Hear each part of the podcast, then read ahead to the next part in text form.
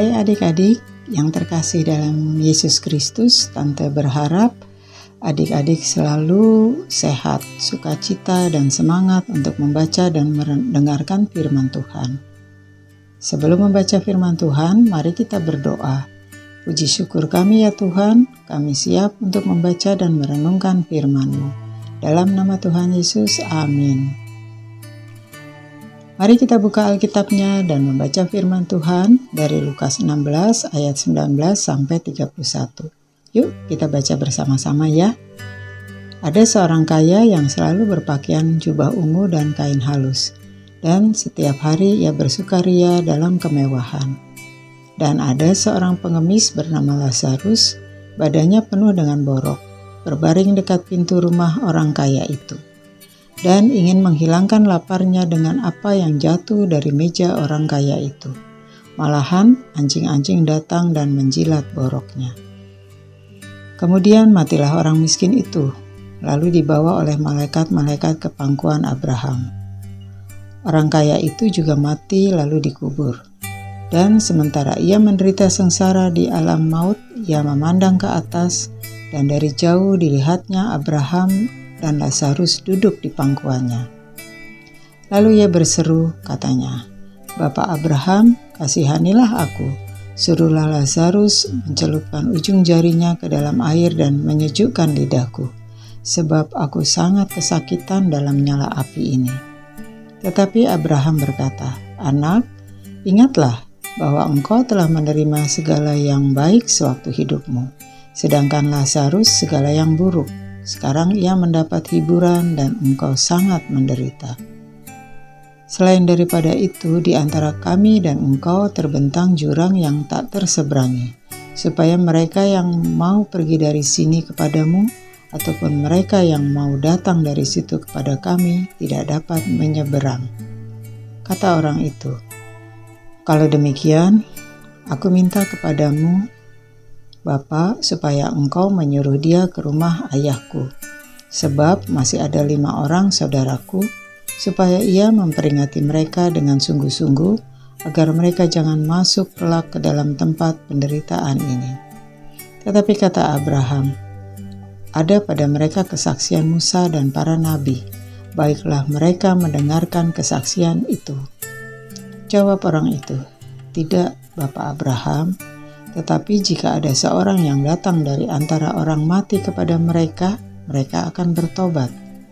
Kata Abraham kepadanya, "Jika mereka tidak mendengarkan kesaksian Musa dan para nabi, mereka tidak juga akan mau diyakinkan, sekalipun oleh seorang yang bangkit dari antara orang mati." Nats ayat kita hari ini Lukas 16 ayat 31. Kata Abraham kepadanya, jika mereka tidak mendengarkan kesaksian Musa dan para nabi, mereka juga tidak akan mau diyakinkan, sekalipun oleh seorang yang bangkit dari antara orang mati. Adik-adik, tema renungan kita hari ini dibangkitkan untuk menyampaikan pesan. Seorang gadis berusia 18 tahun asal Ekuador bernama Angela Elizabeth Zambrano Mora pernah mengalami kematian. Di alam sana ia dibimbing oleh Tuhan untuk melihat surga juga neraka. Ia mengaku melihat Michael Jackson di neraka itu. Tuhan menunjukkan kepadanya keindahan surga. Namun demikian, ia juga diajak menyaksikan kengerian neraka. Semua ini dimaksudkan agar ia bisa menyampaikan pesan kepada manusia agar mereka tahu dan mengerti tentang keberadaan bahkan perbedaan surga dan neraka. Setelah 23 jam berada dalam kematian dalam kematiannya, Tuhan menghidupkannya kembali agar ia bisa menyampaikan pesan dan peringatan kepada umat manusia tentang perjalanannya itu, agar semakin banyak orang yang percaya kepada Tuhan dan diselamatkan.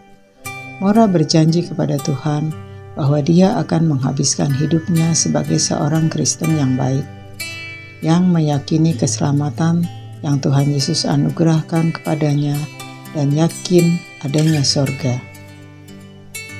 Adik-adik, dari kisah tadi kita diingatkan untuk selalu mengikuti perintah dan petunjuk Tuhan. Seandainya kita mengalami kejadian seperti cerita tadi, kita akan menyampaikan pesan kepada orang-orang di sekitar kita agar percaya kepada Tuhan karena kita telah diselamatkan. Mari adik-adik kita mau katakan, aku akan selalu mendengarkan peringatan dari Tuhan. Sekali lagi, aku akan selalu mendengarkan peringatan dari Tuhan. Mari kita akhiri renungan hari ini dengan berdoa. Bapa di surga, ajarkan kami untuk senantiasa mencondongkan telinga dan hati kami kepada perintah, petunjuk, dan peringatan Tuhan. Terima kasih ya Tuhan. Dalam nama Tuhan Yesus, amin. Sampai jumpa adik-adik. Tuhan Yesus memberkati.